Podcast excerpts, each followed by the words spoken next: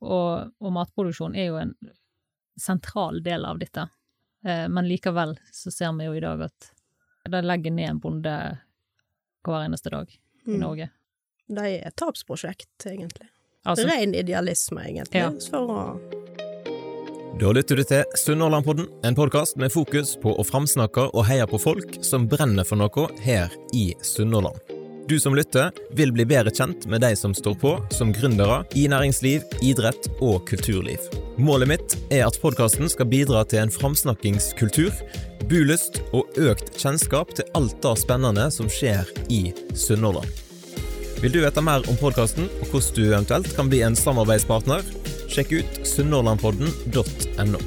Og jeg setter stor pris på om du er med og deler podkasten med noen som du tror kan ha glede av den. Nok om det. Her er dagens episode.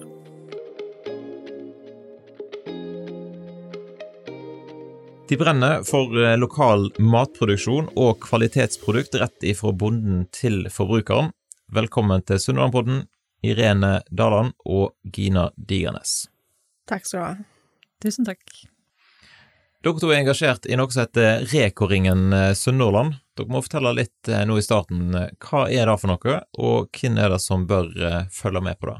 Nei, altså Reko-ringen Sunnhordland er jo en uh, møteplass der du kan uh, treffe bønder og handle mat direkte ifra deg. Uh, og òg andre matprodusenter, da, ikke bare bønder, men òg andre matforedlere av mathåndverk. Um, så det er egentlig en, en, en veldig enkel salgskanal for å kunne nå eh, lokalprodusert mat, da. Eh, med, som jeg vil påstå har veldig god og høy kvalitet. Absolutt. Så um, det er på, eh, på Man treffes, da, eh, på gitte tidspunkt. eh, I parkeringshuset på Amfi. Yep. Og så eh, Og der er Altså, man forhåndsbestiller alle varene, da, på forhånd før man kommer der, og så har man utlevering og får treffe de som produserer maten, og kan ha en dialog med dem, stille spørsmål om hvordan produktet er produsert, videre. Og så eh, tar man imot betaling, eller man har forhåndsbetalt, og så får man ut varene sine, og kan reise hjem med masse godt i sekken. Ja, Hvis jeg ikke vet hvordan dette her funker i utgangspunktet, eh, bare møter jeg opp eh, på, på parkeringshuset når? Og hvordan, hvordan finner jeg ut når og i det hele tatt? Nei, altså, alt foregår jo i, per dags dato i hvert fall, i Facebook-gruppe, da. Eh, der, eh, sånn at eh, hvis du skal forhåndsbestille eller bestille vare til en utlevering i dag, så må du melde deg inn i den Facebook-gruppa, og så er det sånn at til hver utlevering så er det jo ulikt hvor mange produsenter som stiller, så du må på en måte til hver en tid se eh, hva som er for salg til den neste utleveringen. Det er tydelig i gruppa tid neste utlevering er, det står tydelig hvor en skal treffes, og hva klokkeslett og dato og, og alt. Um, og så er det sånn at man kommenterer da under de ulike annonsene hva en ønsker å bestille. Så får en et svar fra den produsenten en vil bestille hos, i kommentarfeltet, der de bekrefter bestillingen og at alt er i orden, og eventuelt skriver totalsummen og betalingsmåte. Ja. Er det mange i Sunnhordland som benytter seg av denne muligheten her? Det er en del, men det kunne godt vært enda mer eh, folk. Eh, både kunder og produsenter, egentlig. Så bestemmer jo en del eh, produsenter. Det hadde vært kjekt med mange flere, egentlig. Mm. Ja, Si at jeg eh, produserer eh, Hva har jeg her på mitt småruk? Jeg har masse skvalderkål ute, for eksempel, i hagen min.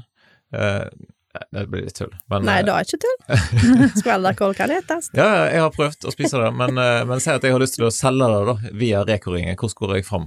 Hvem tar jeg kontakt med? Da må du jo først ha en godkjenning fra Mattilsynet på den maten du skal selge. Og så um, må du ta kontakt med den Reko-ringen du vil selge deg i.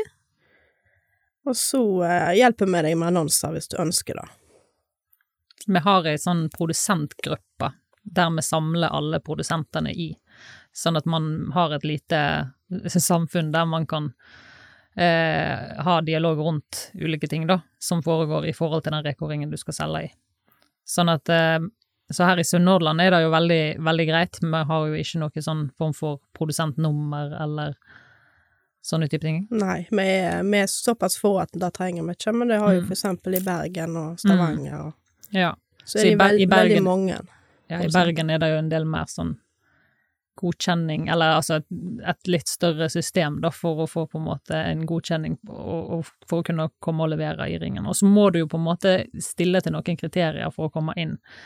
Altså det er ikke sånn at du som eh, baker brun får lov til å komme inn og selge i, i Reko-ringen. Altså, og da gjelder jo òg i Sunnhordland at at uh, du må jo stille til, til visse kriterier for å få lov til å selge på Reko-ringen. Det er ikke hvem som helst, og store bedrifter har ingenting på Reko å gjøre. Det er lokale, små skala-produsenter. Kan du fortelle litt om hva er det en kan få kjøpt i dag? Akkurat nå eh, så har vi mye ulike kjøtt. Eh, det er, ja Nå begynner snart urte urter og ja, litt grønnsaker, sesongen og sånn, men det, er det er jo sesongbasert, så du vil jo ikke finne de samme tingene hele tida. Det er grønnsaker mer slutten av sommeren fram mot jul, og så er det hva det er sesong for, og Hvor mange eh, ulike leverandører er det per i dag i Sunnhordland? det ligger, vi ligger sånn mellom fem og ni, sånn på snitt, Som, Men, som eh, leverer. Som leverer hver gang. Men det Eh, er jo flere godkjente. Men det er mange, har mange flere som har vært med, da. Så første utlevering var det jo 16 stykk. Såpass? Ja. Så potensialet er relativt stort? Ja. Men da har de jo kommet fra Haugalandet, sant, og det distriktet og her til. Skal få høre mer om eh, hvordan dette fungerer etter hvert, eh, tenker jeg, men det er greit å ta et par steg tilbake og bli litt bedre kjent med dere som har tatt turen i studio i dag. Så Irene, hvis du forteller litt om eh, hvem du er og hva du driver med. Ja. eh, jeg er eh, ei helt vanlig dame ifra, som bor på Tysnes og driver gard, eh, så jeg er egentlig fulltidsbonde, da. Eh, vi driver med ammekyr av Vestlands fjordfe, som er en gammel norsk rase som jeg eh, er veldig glad i, som jeg brenner veldig for. Hva er ammekyr? Eh, ammekyr er rett og slett eh, kyr som du avler for, for kjøttproduksjon. Eh, vi driver ikke med eh, å melke de, kan du si. Altså all melk som kommer fra ei ammeku, går rett i kalven. Eh, så vi driver ikke med noe melk, det er avl for kjøttproduksjon for å selge kjøtt. Mm. Og så har vi òg litt eh, en bitte liten flokk med sauer, eh, som, eh, som vi har egentlig på utegang største del av året. Og så har vi et kjøttforedlingslokale da i kjelleren på huset der vi kan foredle kjøttprodukt og for eksempel lage pølse. Vi har jo en del pølseproduksjon, spesielt i sommerhalvåret, da. Så de pølsene er det jeg som lager sjøl. Um, uh, per dags dato nå så eh, har pølseproduksjonen vår så ettertrakta, og vi er i en vekst i forhold til å få nok kjøtt på gården, så jeg eh, har måttet handle inn en del råvarer til pølseproduksjonen, men alt vi selger av stykningsdeler av kjøtt og sånn, er fra egne dyr, da. Så du er rett og slett pølsemaker? Ja, en kan vel egentlig si at jeg er det. Eh, og så er jeg jo i tillegg ansatt i Bonde- og småbrukarlaget som eh, prosjektansvarlig for Reko-ringen nasjonalt. Det er såpass. Mm, så jeg jobber for Bonde- og småbrukarlaget per dags dato 40 mm, på heimekontor, da. Så har jeg hørt rykte om at du har installert skraperobot i fjøset i helga. ja, det stemmer.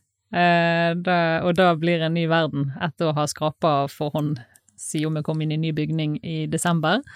Vi bygde ny eh, driftsbygning eh, i fjor, eller i høst, og den er langt ifra ferdig, men eh, den er den er i hvert fall oppe og går. Dyrene er der, og vi har hatt litt eh, tungvint manuelt arbeid, og nå kom gjødselroboten på plass, og det var en ny verden. Ja, for hva er det skraperoboten skraper på? Den skraper på møk og skiten. Ja. Sånn at eh, vi har jo bygd en ny driftsbygning der det er sånn at kyrne ligger De går fritt, altså det er en løsdrift. Eh, og eh, de, de ligger på grovflis av skogen, altså fra skog. Og så eh, framme der som de står og får mat, der er det ei skraperenne. Eh, og der, for det er jo ofte sånn at der som dyr står og et, der eh, gir de òg ifra seg. Så da, for å på en måte kunne utnytte den møka på en god måte, for den ønsker vi jo å ha ut i, på gresset, ikke sant, for å få nok grovfôr til vinterhalvåret. Så den, den skal roboten skrape ned i en gomme, og så tar vi den igjen der, Ja. når vi trenger den. Ei som jeg hadde kontakt med, hun sa da at, eh, at du er ei dame som beundrer, for at du gjør noe med det som andre kanskje bare mener noe om. Det er et bra skussmål å få. Oi. Jeg lurer på hva er det du gjør noe med? Ja, det kan du si. Jeg er litt usikker på hva denne personen sikter til, men um, Nei, altså, jeg er jo glad i å være med og ta i et tak, da. Jeg er jo engasjert i flere ting enn bare gården min. Jeg er, har òg vært leder til det lokale bonde- og småbrukerlaget som vi har på Tysnes i flere år. Nå har jeg akkurat gitt den eh, stillingen videre til ny på årsmøtet, men ehm, jeg er nå fortsatt eh, med i laget og engasjert der. Så sitter jeg òg i styret til Hordaland bonde- og småbrukerlag og engasjert eh, der. Og så eh, er jeg òg leder i Tysnes ungdomslag. Så jeg er litt engasjert òg i forhold til å til å ha litt liv i ungdomshuset nede i Våge, da. Og, og på en måte er med der for å, for å sørge for at vi kan fortsette å ha det møtepunktet der nede. Ja. Hmm. Så rett og slett veldig engasjert. Ja, jeg, eh, og det er jo Mange kan jo lure på hvorfor jeg er engasjert i så mange ting, men jeg er en veldig sosial person, og jeg trenger å komme meg ut og være litt blant folk, for da å være bonde er faktisk et utrolig ensomt yrke. Så jeg eh, er engasjert i disse tingene fordi jeg er Jeg er veldig, veldig opptatt av å òg ha menneskelig kontakt, så jeg trenger å ha de eh, plattformene der jeg kan òg gjøre det for å, for å rett og slett være i hugnad og være i balanse som menneske. Ja, høres lurt ut. Du da, Gina, eh, hvis du forteller litt om eh, hvem du er, og så hva du holder på med. Ja. Nei, jeg eh, bor jo på Bømlo. Um, der driver jeg en gard sammen med mannen min. Vi har høylandsfe og sau. Den overtok vi i fjor, vi har jo pakket den i noen år. Um, men det jeg driver mest med, da, er jo eh, produksjon av urter, økologiske, på småbruket som jeg eh, kommer fra, som foreldrene mine driver. Det er Sikje småbruk på Vårneset. Er det det som er debiosertifisert? Det er debiosertifisert, ja. Hva i all verden er det for noe?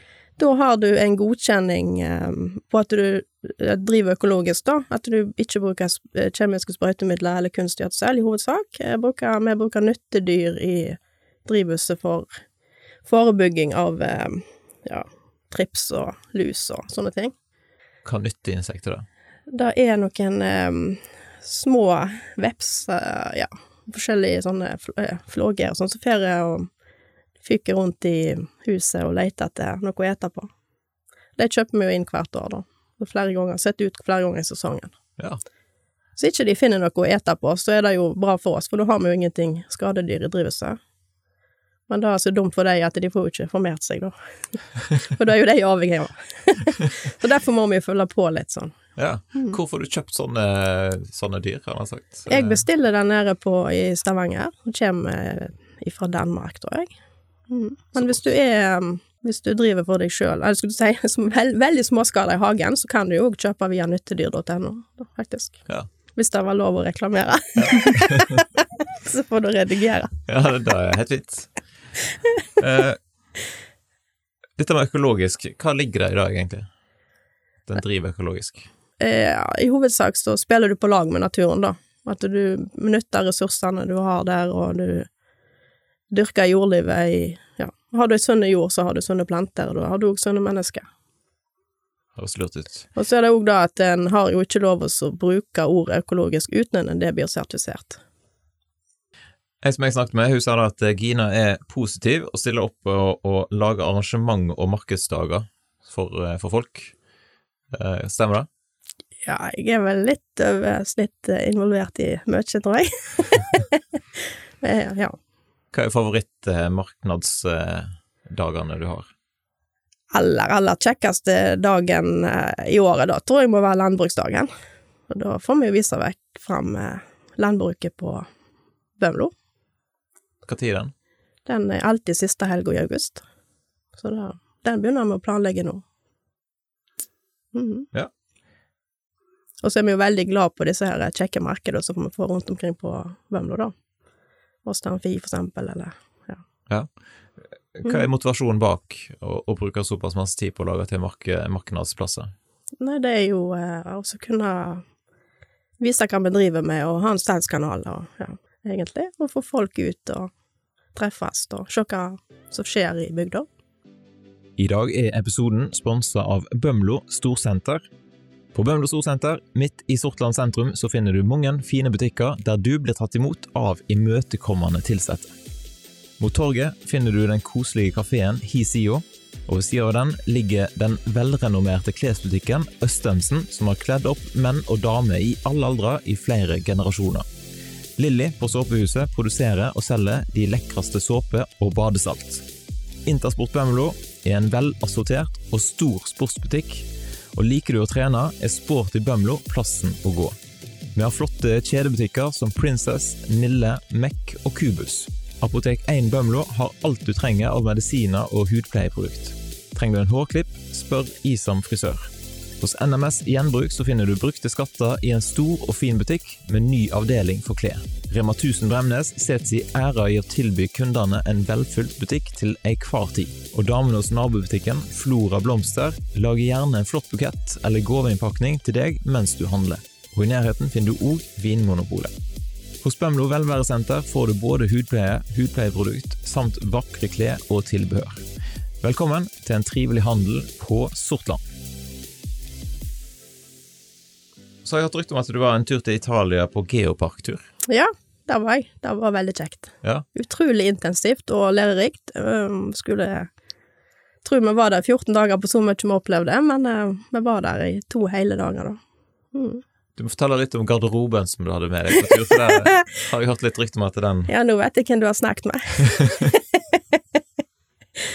Nei, jeg har jo ei kjekk dame, da, så Hun hadde med seg en ekstra kjole, for uh, jeg hadde jo fått um, beskjed at vi måtte kle oss litt uh, Vi skulle ned i gruva, sant, og da, jeg hater jo å fryse. Det er verste jeg gjør, så jeg går jo Jeg har tatt av meg ull i dag, da, så jeg skulle her, men ellers går jeg ull stort sett hele året. Det var helt like. Så når jeg skulle til Italia, så var det i september, og det er jo ikke verdens varmeste her i september, så jeg kledde meg nå som jeg pleier, jeg er ullgenser og tjukke sko. og det var noen, ja, jeg vet ikke. Hvordan var temperaturen i Toskana, eller hvor det var? Ja, hvert fall 25 grader, tror jeg. I gruva var det jo bare 14, da, så da er jo en vanlig sommertemperatur i Norge. Men da kunne de jo selvfølgelig ha fortalt oss da, at det var jo normal sommertemperatur i gruva. Men, um, ja. Nei, så jeg må jo bare takke for lånet for den kjolen. Ja, for du ble rett og slett redd av en uh, linkjole. ja, jeg ble det. Mm. Det er bra. Eh, til- tilbake til deg, da. Irene. Jeg, leste på nettsiden at dere driver med det som en kaller for regenerativ drift. Ja. Hva ligger i det ordet, og hvordan ser det ut i praksis for dere? Eh, jo, eh, det går egentlig ut på at en tenker å bygge natur istedenfor å på en måte tappe natur.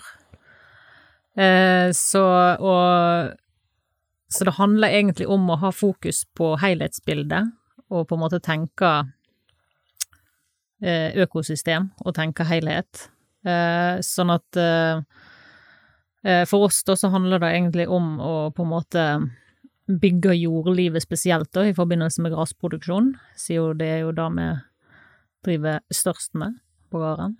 Um, og så òg uh, nytte dyrene på beite på en litt mer gunstig måte, uh, altså det vil si at du flytter dyrene ofte på beite for å på en måte opprettholde godt, uh, god vekst i beitene og i gresset, og istedenfor at det på en måte alt blir helt uh, nedbeita og, og plantene sliter med å på en måte komme seg på beina igjen, da kan du si, med hyppig beiting, så på en måte, og det som gjerne ofte kalles for stripebeiting og sånt, da, så på en måte kan du eh, bygge mer eh, jordliv og, og bedre beite enn enn hvis du på en måte kjører beitene veldig hardt med hard beiting, da. Ja. Mm, Har du lest bøkene til, til Dag Jøren Lønning? selvfølgelig. Jeg var på første, første lansering han hadde, og har vært, ja, jeg har vært i tett dialog med Dag Jøren i flere år. Han bor rett nede i gata her, han har sagt, så Ja. det kom en egen episode med han faktisk eh, Så kjekt. ikke så lenge. Ja, nei, han har jo vært på Tysnes flere ganger og hatt eh, foredrag, så har vi hatt masse dialog med han. Mm. Flink mann. Ja, så for deg som har lyst til å høre mer om regenerativ drift, så er det å, å sjekke ut den episoden, eller bøkene hans. Eh, dette med gras, så dere serverer kun gras til, til kuene, ikke kraftfôr? Det stemmer. Eh, og da handler egentlig for oss om flere ting. Eh, men først og fremst handler det om at eh, vi ikke ønsker å kjøpe eh, råvarer og innsatsmidler fra utlandet. Eh, veldig mye av kraftfôr i Norge er jo eh, kraftfôr som er laga på soya fra andre plasser i verden, som kanskje ikke har gunstig drift og produksjonsmetode. Eh, men så finnes det jo òg norsk kraftfôr, norskprodusert kraftfôr, som en, en, kan handle, det ikke det. Eh, men vi, vi, ser veldig på det at eh, eh hvis en ser naturlig på ting, da, så har, ser ikke vi helt for oss at kraftfôr Altså, kraftfôr er jo ikke noe et, et storfe nødvendigvis hadde funnet i naturen, hvis en skal tenke sånn naturlig habitat og lignende. Eh, kraftfôr er jo egentlig en en konsekvens av at vi ønsker et effektiv, mer effektivt jordbruk og kjappere dyr opp i vekt for å på en måte kunne slakte de fortere. Eh, og vi har mer tro på det å på en måte eh, bruke naturlige innsatsmidler, og at dyrene skal få vokse i den i, i den tida det tar, da. Altså den eh, naturlige, på en måte, vekst, ja. veksten som på en måte er.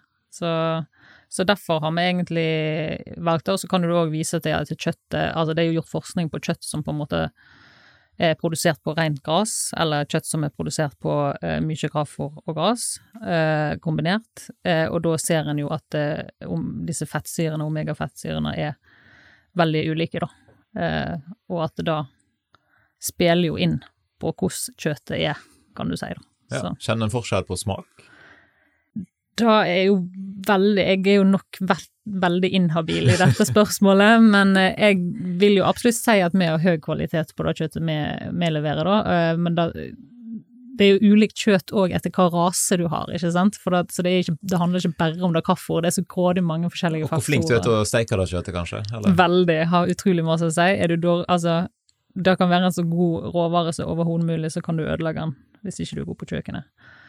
Så, så, det er så utrolig mange faktorer som spiller inn, altså. Men, eh, men ja, fôr har noe å si, rase på dyrene har noe å si. Ja, så ja. Har piano i fjøset noe å si? Eh, ja, vi tror jo veldig på det, da.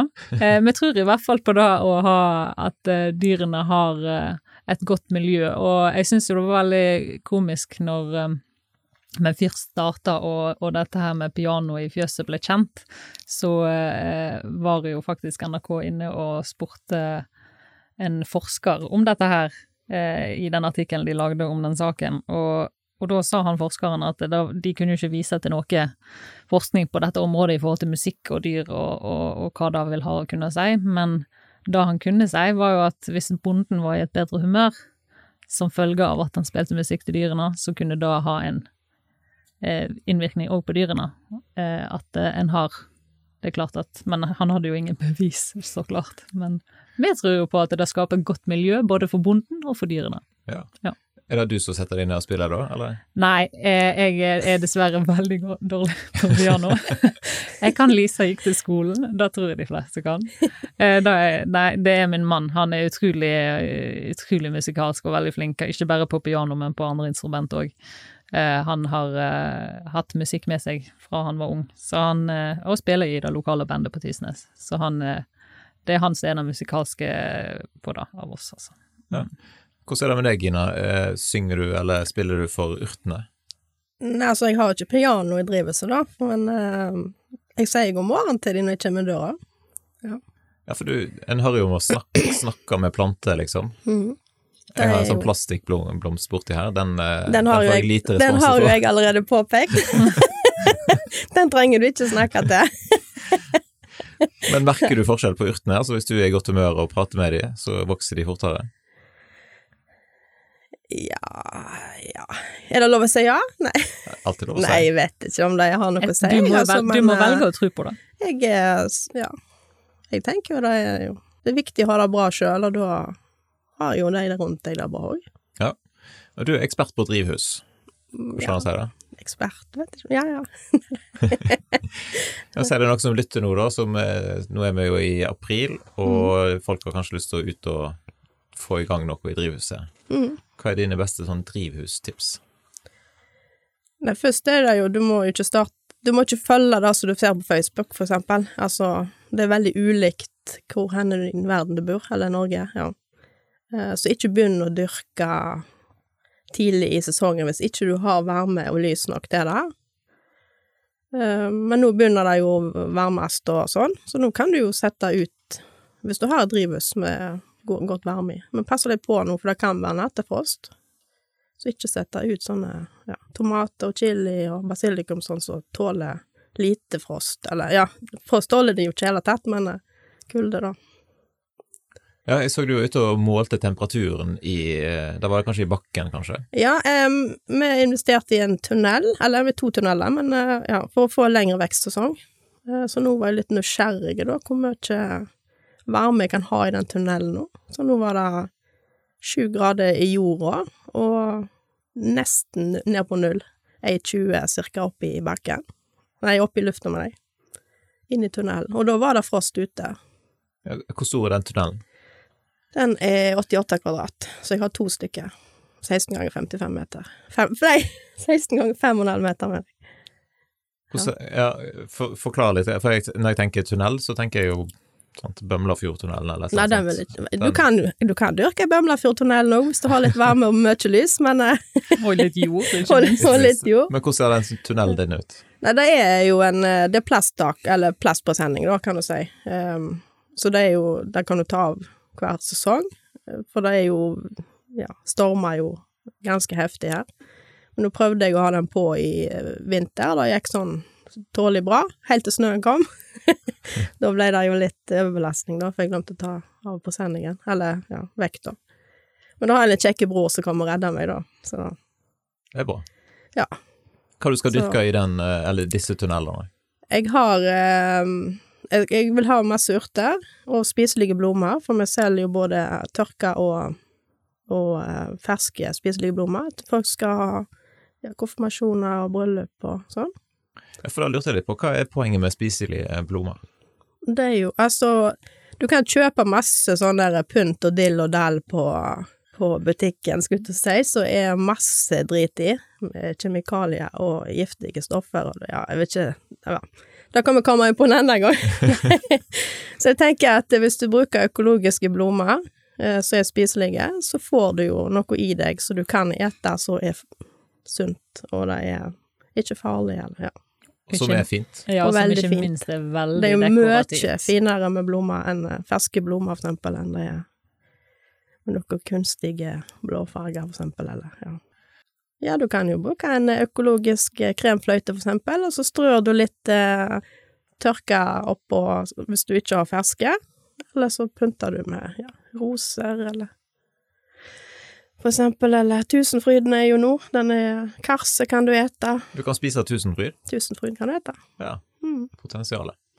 Men jeg vil ikke ete roser som jeg kjøper på en eh, blomsterbutikk eller matvareforretning. For de kommer fra Afrika og sprøyter i hjel, så da Du må vite at eh, For det hva du eter, da. At det er trygt, og at det er økologisk. Og da er vi jo tilbake igjen til dette med lokal matproduksjon, Eh, og det er jo noe som engasjerer dere. Hvorfor, hvorfor vil dere si at det er viktig? Med lokal matproduksjon. Ja.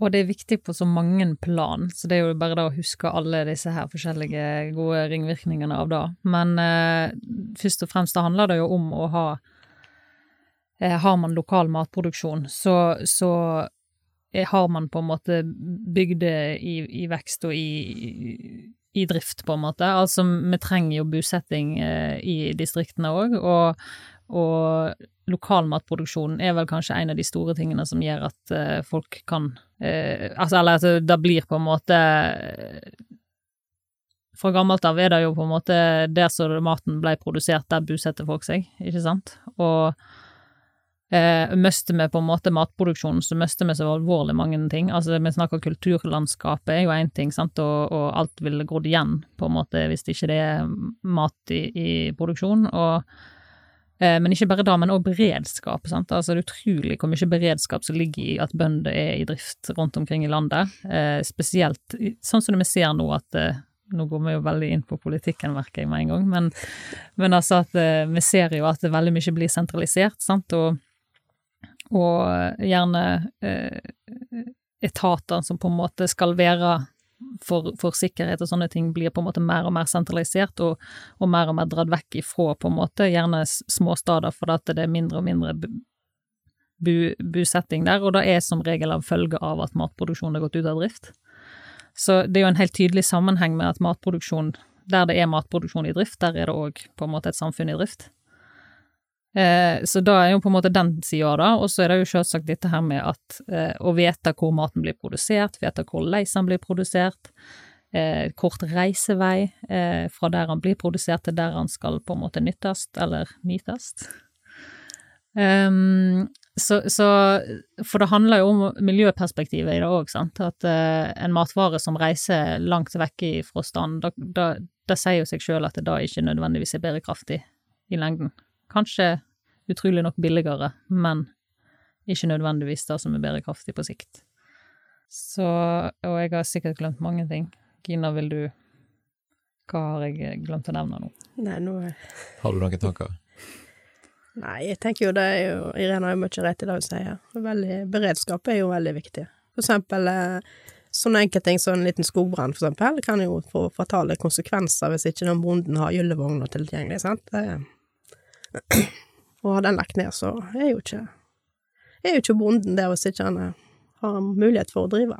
Nei, sant. Jeg, jeg tror veldig mange glemmer akkurat det med mm. beredskap, og så føler jeg det kanskje kom litt mer på, på bordet igjen nå når eh, krigen i Ukraina skjedde, mm. og en så på en måte hvor sårbart ting kan være. Men jeg føler at de som sitter og bestemmer ting i Norges land, de er ikke helt bevisst på, på alle disse tingene og konsekvensene av, av det, da, og hvor alt henger på en måte i sammen. Eh, og, og, matproduksjon er jo en sentral del av dette, eh, men likevel så ser vi jo i dag at eh, flere og flere de legger ned en bonde hver eneste dag i mm. Norge. Ja, for, for, vil dere si at eh, det er, det er rett og slett krevende eller vanskelig å være bonde i Norge? Det vil jeg absolutt si, mm. og ekstremt dårlig betalt. Det er et tapsprosjekt, egentlig. Altså, Ren idealisme, egentlig, ja. for å ja. ja. Men hva som gjør at dere Altså idealisme? Ja, det er vel Nei, jeg, eh, jeg har hatt en jobb jeg ikke trivdes veldig i, og omskolert meg og ja, fått noe jeg trives i. Så det var grunnen På for at jeg driver med det jeg driver med. Egne interesser, mm. rett og slett. Og for min del handler det egentlig òg om det. Altså, jeg er i bonde i dag, ikke fordi det lønner seg, for det gjør det slettest ikke. Hadde ikke min mann hatt jobb utenom den gården vi drifter, så hadde vi vært konkurs for flere år siden. Men eh, grunnen til at vi velger å holde på med det, er fordi at vi tror på det, det er nummer én. Vi tror på det å drive på den måten som vi gjør, vi tror på det å ha matproduksjon og landskap i drift er viktig for helheten. Og så er vi òg opptatt av selvforsyning. Altså, ok, så kan det være mange ting ikke går så bra, men da er i hvert fall vi selvforsynt, så har vi sikra oss. Ja. Det er liksom min tanke. Det er jo viktig å holde oppe kunnskapen, tenker jeg. Ja, det òg. Og hvis jeg nå eh, legger ned eh, flere og flere bønder, altså eldre bønder, så eh, dør vekk, og så er det ingen unge som overtar, så forsvinner jo all kunnskapen. Mm, den blir ikke videreført. Nei, og hvis det da skjer noe, så ja. Og det er utrolig masse viktig kunnskap som ligger Veldig. i, og erfaring erfaringsbasert kunnskap, som på en måte ting som bare på en måte skjer liksom mm. mellom mennesker og mellom foreldre, barn, besteforeldre, som på en måte er helt sånn uvurderlig, men som på en måte er utrolig vanskelig å sette ord på eller mm.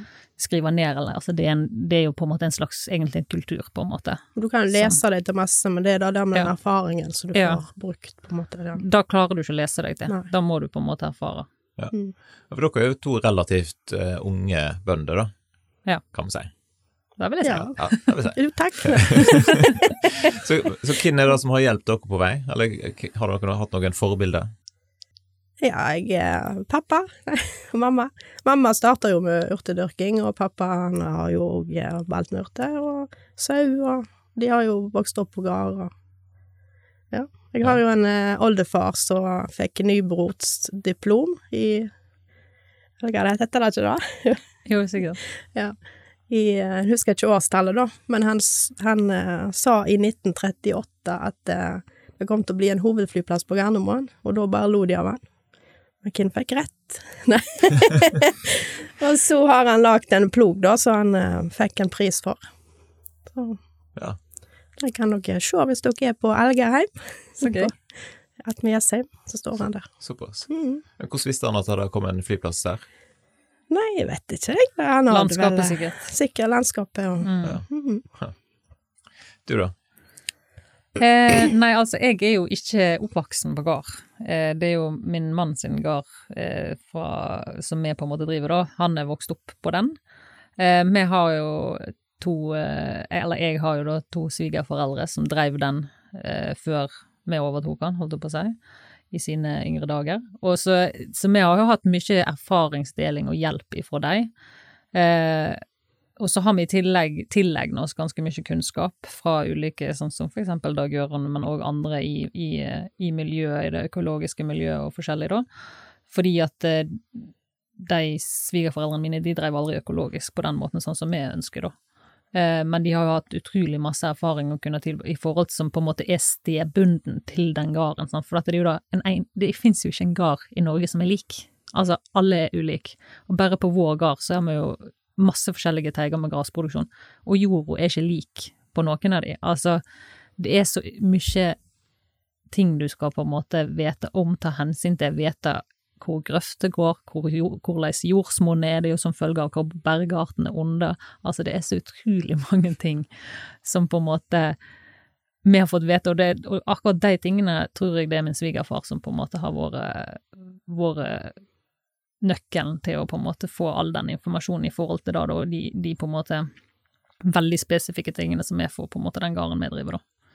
Og da er jo klart at hadde ikke vi hatt han på det, så måtte vi jo funnet ut alle de tingene sjøl, og da hadde vi brukt mest sannsynlig et helt liv på å finne ut, vil jeg tro.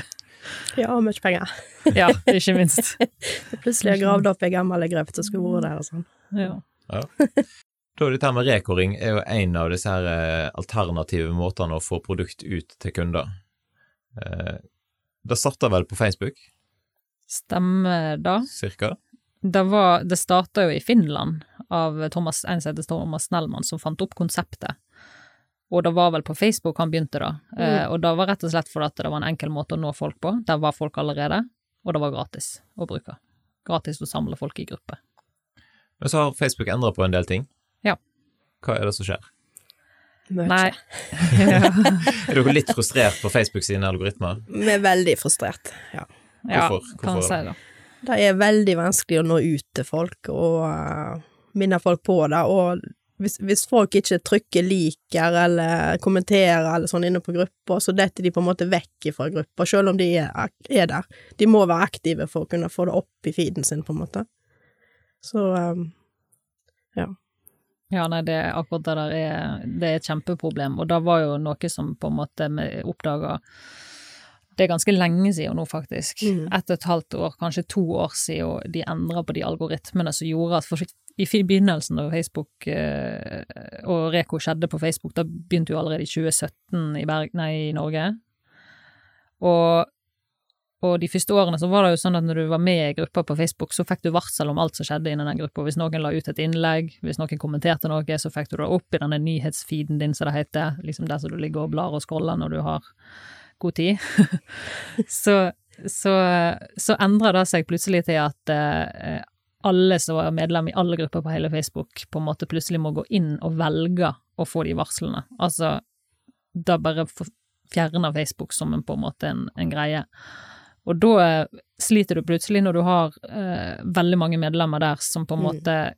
Eh, glemmer litt at reko-ringene eksisterer, de får ikke noe varsel opp om det. De, de, de tenker plutselig i en travel hverdag, sant. Altså under koronaepidemien, når det skjedde, så var det jo sånn at landet stengte ned og folk hadde veldig god tid. Da var det jo en ekstrem eksplosjon på Reko-ringen. Altså, det solgte jo som aldri før. Altså, omsatte jo sikkert for noe helt svimlende summer. det var det beste salgsåret mitt. Var da. Ja, det året det var korona. Mm. Og når samfunnet åpner opp igjen, da eh, Så jeg tror det er en sammensett greie her, da. Det er jo både en greie av at algoritmene på Facebook lager trøbbel i forhold til at folk ikke blir får den påminnelsen.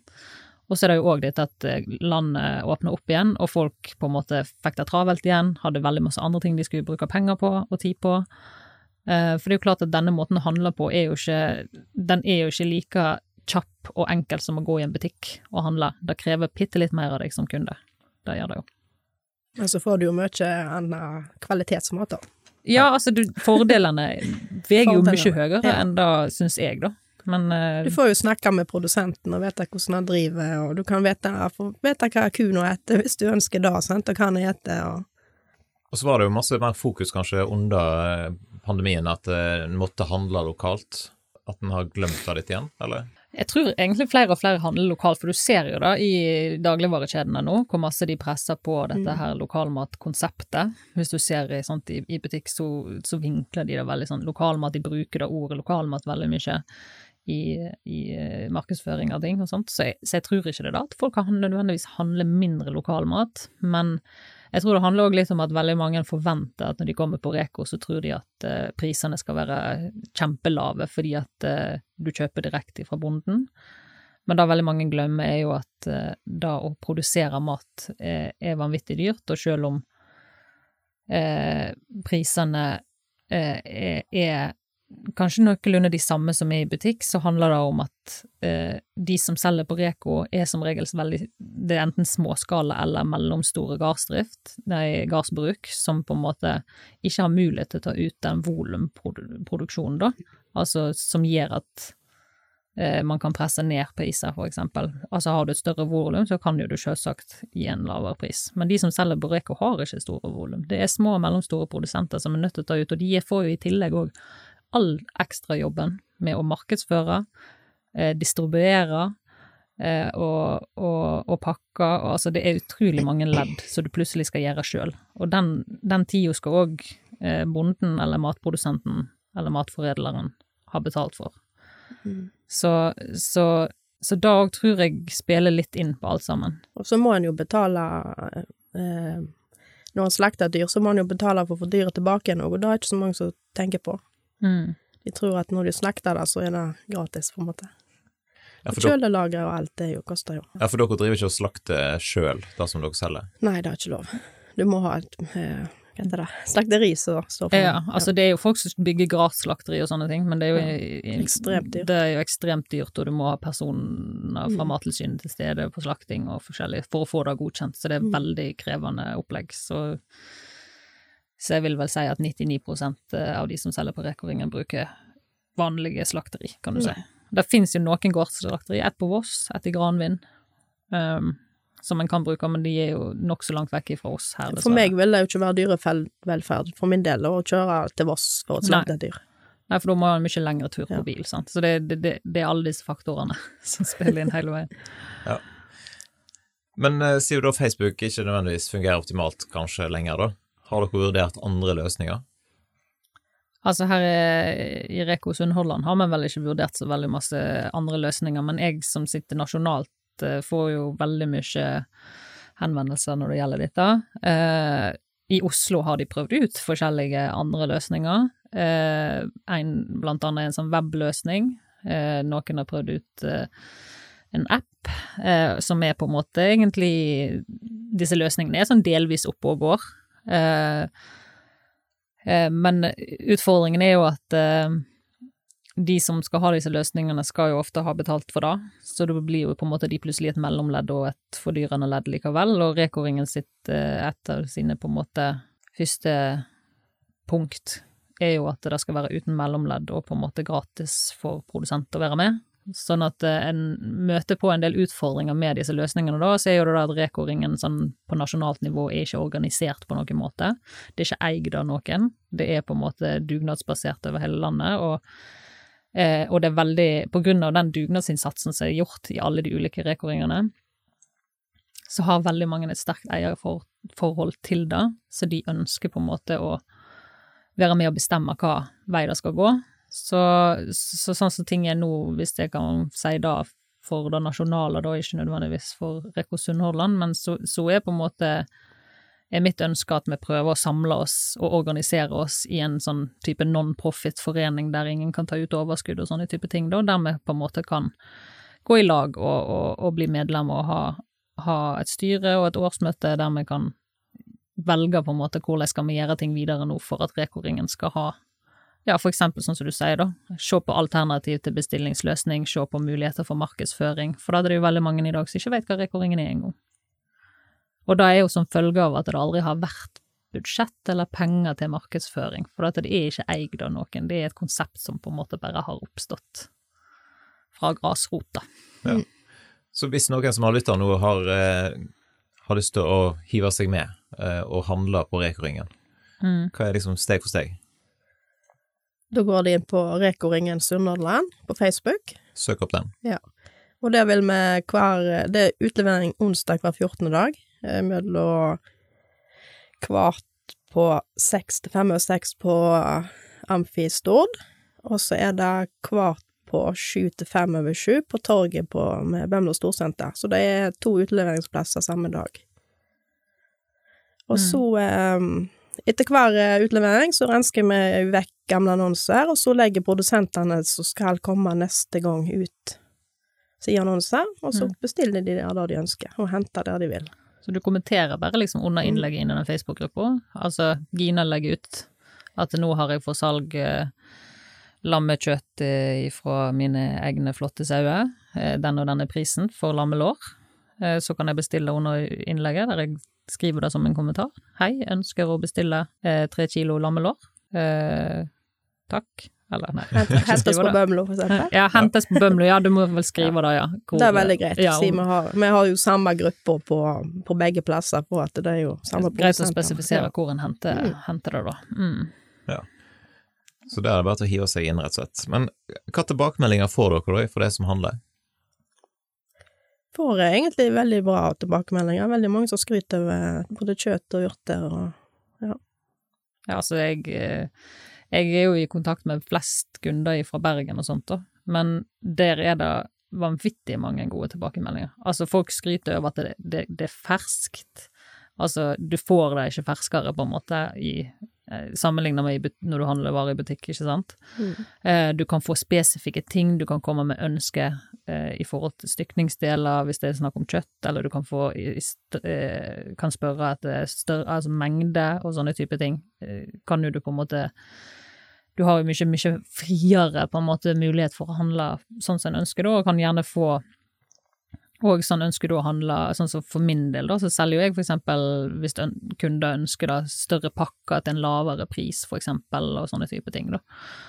Eh, sånn at eh, Og så er det dette her med, med, med kvalitet, og vi ser det spesielt opp mot høgtid, sånn som mot jul og sånne ting. Da ønsker jo folk veldig gjerne å kose seg med god mat, og vanvittig mange gode tilbakemeldinger altså på, på det som blir eh, kjøpt i Reko-ringen, og vi får òg veldig mange gode tilbakemeldinger på de som leverer grønt, spesielt i Reko-ringene, for det er jo klart at grønnsaksproduksjon på Vestlandet er jo veldig lav, men vi ser at det har en oppsving nå som følge av at Reko har kommet som salgskanal, og da syns jo jeg òg er en kjempegøy Det greie er fantastisk. fantastisk liksom at det da har boosta på en måte grønnsaksproduksjonen på Vestlandet, for dette Vestlands grønnsaksproduksjon er jo ikke noe enkelt, på grunn av klimaet vi har her og alt er veldig vått, men hvis vi kan, alle kan produsere litt grønt, så blir det liksom masse i sammen.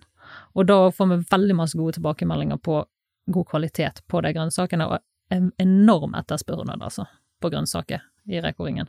Men du må vite at du må handle det når det er sesong, for da kommer jo ofte kunder på vinteren og lurer på hvor får jeg kjøpt Salat. salat, eller eh, Og gjerne med poteter kan du ofte få tak i faktisk på vinteren òg, da, hvis eh, lagringsforholdet er bra og sånne ting, men men det som kundene må bite seg litt merke i, er at det handler sesongbasert, og så heller eh, ha på frys og lager, eh, hvis den har det. Samme er jo bær og frukt. og- Ja, bær og frukt òg er jo sesongvare, ikke sant. Eh, Men jeg ser det i i Bergen, kan du av og til få tak i frosne bær og sånne type Ja. ting i vinterhalvåret. Men, eh, men da er det som sagt frosset, som følge av at det er jo ikke sesong på vinteren. Begge dere to har jo eh, samboer. Hvor viktig er mannen deres inn i dette prosjektet? Nei, jeg vil absolutt si at eh, mannen min er en eh, kanskje viktigste brikken av alle. Eh, altså, eller jeg vil kalle oss likeverdige brikker i, i, i dette her symfosiet av en eh, galskap vi holder på med. Men eh, han er han er helt vanvittig rå. Altså, alt han fikser, alt han ordner, all den arbeidskapasiteten den mannen inn, innbefatter meg, holdt jeg på å si, innehar, det forstår jeg ikke. Altså, han er helt, helt ellevill, og så er han jo eh, ikke minst vanvittig kunstnerisk og flink, og kommer på altså så mange gøye fikse ideer for alt mulig vi skal til med på gården. Så uten han, så, så tror jeg ikke vi Altså, vi hadde nok ikke hatt piano i fjøset hvis ikke det var for Anders. Du da, Gina? Nei, jeg vil si uh, betyr jo alt, det egentlig. Det, han er, jobber jo i Nordsjøen, så han har jo mye fri, så vi kan uh, jobbe i lag, og det er veldig kjekt. Uh, så når han ikke, ikke har uh, fri, da jobber han jo stort sett da òg, så ja, ta en fasong, han er, skulle til å si, hvis jeg må gjøre noe, ja. Sette opp gjerder og kjøre på silo, og det er liksom, ja, alt som gjøres, da bare ordner han, hvis det trengs, på en måte. Mm menn generelt er jo veldig sånn flink til alt mulig. Ja. Og så er han jo mekaniker. Han er jo mekaniker, så det, ja, er jo. Det er jo en kjempefordel for meg, da, så når vi har noe som går i sunt, så så, så fikser han. Så fikser han. Til slutt, da, hvis dere skal si noe om hva er det beste med å bo der som dere bor i Sunnhordland, hvis vi begynner med Bømlo. Ja, hvor, hva skal jeg si da? Det er jo Alt er jo best. det kan bli en diskusjon. Nei, altså, det er jo uh, naturen og folk og miljøet og ja. Jeg liker jo vær og gøy, da, for det er jo alt, det er jo alt slags vær. Så lenge du kan ha på deg ull, så er du fornøyd? Så ja, da er jeg fornøyd. Ull og vestlandsbunad, så Det er bra. Hvordan er det på Tysnes? Å, Tysnes er best. Nei, altså Tysnes er fantastisk. Altså, det er jo en grunn Altså, jeg er jo ikke oppvoksen på Tysnes, men jeg bor på Tysnes, og jeg snakker varmt om Tysnes fordi at jeg syns det er bare en så fantastisk plass. Det er en plass du føler deg velkommen, du føler at folk er hyggelige, de er imøtekommende, de, de på en måte Det er en gjeng som på en måte bare er driftige og veldig sånn Det er jo veldig masse kjekke dugnadsfolk på Tysnes som følger for eksempel av den store festivalen som dras i gang der en gang i året, og, og, og så er det jo ikke minst naturen, som du sier, og vi bor med sjøen, sant, du har sjøutsikt, du har sjø rundt hele, altså Tysnes er jo ei øy, sant, det er jo bare og vi ligger midt i, i, i fruktfatet mellom, eh, mellom, alt det andre bra som er rundt oss, ikke minst, sant, og i, rett og slett i utkanten av Hardangerfjorden. Altså, kan det bli bedre? ja. Nei. Vi har litt bedre vei da på Bømlo. ja, jeg tror vi, vi setter strek der, ja. eh, for den iallfall. Men eh, Sunnmørenpodden prøver jo å bidra til en sånn framsnakkingskultur. Så hvis dere skulle ha framsnakket noen eh, som har vært viktige for dere, klarer dere å velge ut eh, noen sånn på sparket her nå? Personer? Ja. Oi. Ja, da ble jo det vanskeligere. det er jo så mange du skulle fremsnakke. Det er jo, det er jo så mange flinke folk. Nei, ja, altså jeg... Familien er jo viktigste, da. Alltid. Ja, jeg er for så vidt enig i det. Jeg har noen mennesker rundt meg jeg har lyst til å trekke fram, som inspirerer meg veldig. Og det er Veronica og Dag Kyrre Ligre som driver eh, Og de blir vel faktisk ikke en del av Sunnhordland, jeg tenker meg om det. For de bor rett i Fusa. Men du skal få lov. Ja, ok. De bor bare en halvtime fra Tysnes, da, så jeg føler de er nesten på Tysnes. Eh, de er veldig sånn inspirerende mennesker som får veldig masse til, og som på en måte er driftige og jordnære og tenker helhet og bærekraftig og sånne ting. Og så er det jo klart at lokalt på Tysnes så er jo det er ingen tvil om at eh, Sigvard Madsen blant annet er jo en av mine beste venner, og han òg er jo en voldsom drivkraft for Tysnes, og som på en måte òg har stiller opp for meg og oss når vi trenger det. Eh, så, så, han vil jeg òg nevne, og så vil jeg nevne eh, Altså, det er egentlig mange på Tysnes jeg kan nevne. Det blir en lang episode. Ja, ja, jeg vet ikke faktisk eh, hvor jeg skal liksom stoppe, da. Men, eh, men det, det, er mange, også Øystein Våge, som jobber i Tysnes Vest, som jeg òg Jeg jobber jo egentlig òg litt i Tysnes Vest, da. Da glemte jeg jo å nevne i stad. Jeg er òg med en del av det. Hashtag eh, litt reklame. Ja, hashtag litt reklame mot Tysnes Vest. Kjøp billett i dag, det er snart festival. um, og um, og Patrick, som på en måte er så engasjert i lokalsamfunnet der ute hos oss, og driver Mandelhuset og på en måte opp og fram, og Myrdal gard og Nynke og alle de som driver der oppe, og som på en måte hjelper òg med den, å få fram den gode lokalmaten vi har på Tysnes. Tveitakjæring, Lucianne som driver med geitost På Tveit heter det riktignok. Og vi har utrolig mange flinke lokalmatprodusenter på Tysnes som har liksom lagt å skape, klart å skape oss et lite sånn miljø i forhold til det. Og vi òg kjører jo matmarkeder flere ganger i året eh, i Våge, og, og, og da Nei, det er utrolig mange engasjerte, flinke folk, altså, på Tysnes. Opptil flere her som bør ta turen i studio, ikke sant? Jo, absolutt. Du Gina, du lander på familien, er det andre? Nei, det er jo mange som brenner for eh, Bømlo, og som brenner for eh, det de gjør, og lokale, akkurat der de bor, og ja. Ida Larsen på Finnås, eh, Jokka Finnås for eksempel, er jo mann som ildsjel, driver den. Så har du Lilly på Såpehuset, som er en av mine støttespillere, og samarbeidspartner. Ja, viktig å trekke fram det. Ja. Og Birgit Almås på Ja, hun er kjempekjekk dame. Ja, hun er fantastisk. Hun skulle jeg òg ha nevnt. Ja. Eh, ja. Mange, mange og flinke bønder. Alle Mm. bøndene. Ja, alle, vi tar, Alle de, vi tar alle de under Da er ingen nevnt og ingen glemt. Ja. ingen heller hva det ble. Ja. Alle som produserer mat. Ja. Det er så viktig, og det er en så utakknemlig jobb ofte en har som bonde i dag, dessverre. Så de må, Det er, det er, de vi veldig, det er veldig ofte jeg får eh, spørsmål Er det bare dette du driver med. Ja. Ja. Ja, For hvor mange arbeidstimer kan det bli? Nei, eh, i løpet av et år så vet ikke jeg mer enn det er dager, iallfall, føles det ut som. Nå er det jo lammesesong, og så er det jo akkurat da er det jo innspurten på urtesesongen min, og så har vi ja, ungene og alt mulig, så det er jo Det blir mye timer. Og jeg er ikke noe storbonde, så det Nei. De som driver enda større, de har mye mer timer. Du skal ha fôr, og du skal ha gjødsel, og du skal ha ja, slått Det gir og- ikke mening at uh, vi klarer å springe så fort som vi gjør. Nei. De fleste bønder, i hvert fall. Og det, derav større maskinpark og større, mer og mer utstyr utstyr, og mer og mer kapital bundet, som gjør at Ja, men la oss ikke gå inn på det. Hvis noen har lyst til å følge med på dere, da, eh, hvor er dere aktive i sosiale medier? Hva er de beste kanalene å følge dere på? Du er vel på Instagram mest? eh, Ja, jeg er mest aktiv på Instagram, og har jo gården på Bråtaneset, så er den gården som jeg driver da med mannen min. Um, og så har jeg Sikje Småbruk, som er både på Instagram og Facebook. Da må du bare følge. Ja, ja. vi er jo mest, eh, kanskje i det siste har vi vært ekstra mest aktive på Snapchat, faktisk. Vi har en Snapchat-konto som heter Garen på Daland. Og så er det Instagram jeg prøver å følge opp, eh, som også, der vi òg heter Garen på Daland. Ehm, og så er vi faktisk nå nylig etablert oss på TikTok. Oi, såpass?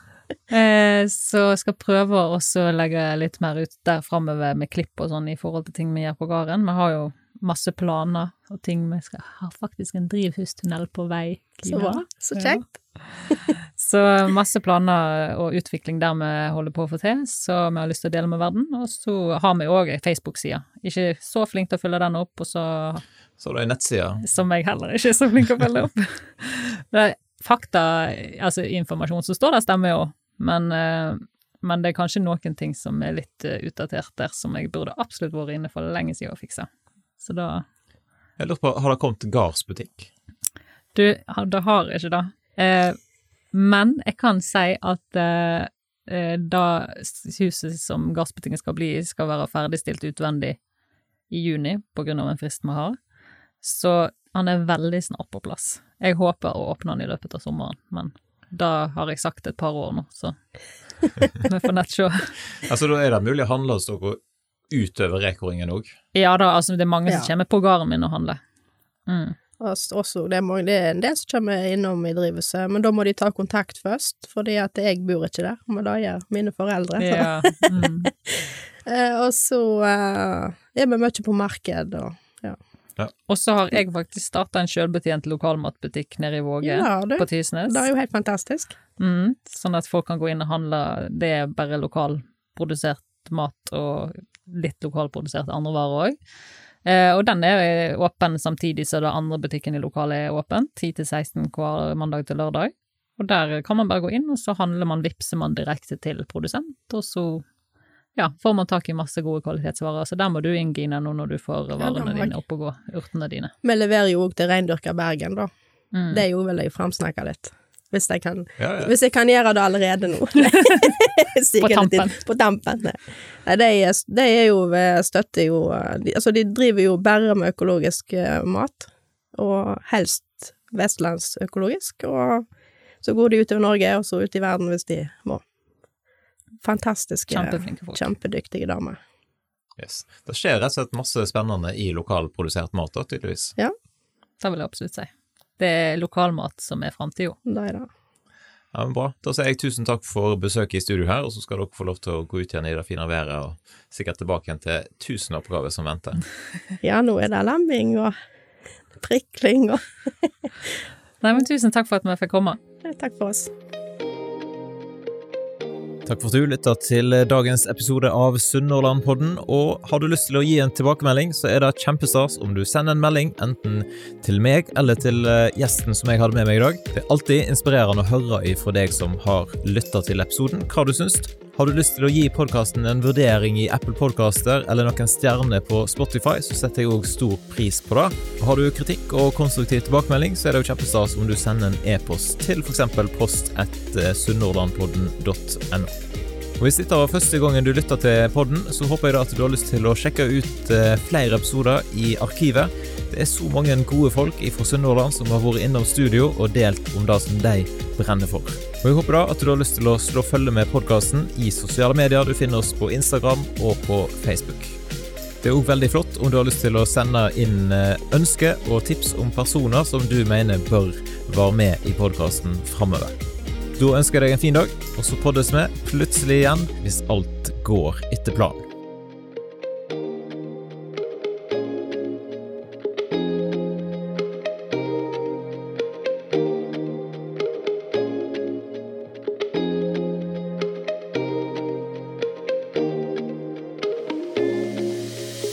Podkasten er produsert av Kjetil Fyllingen.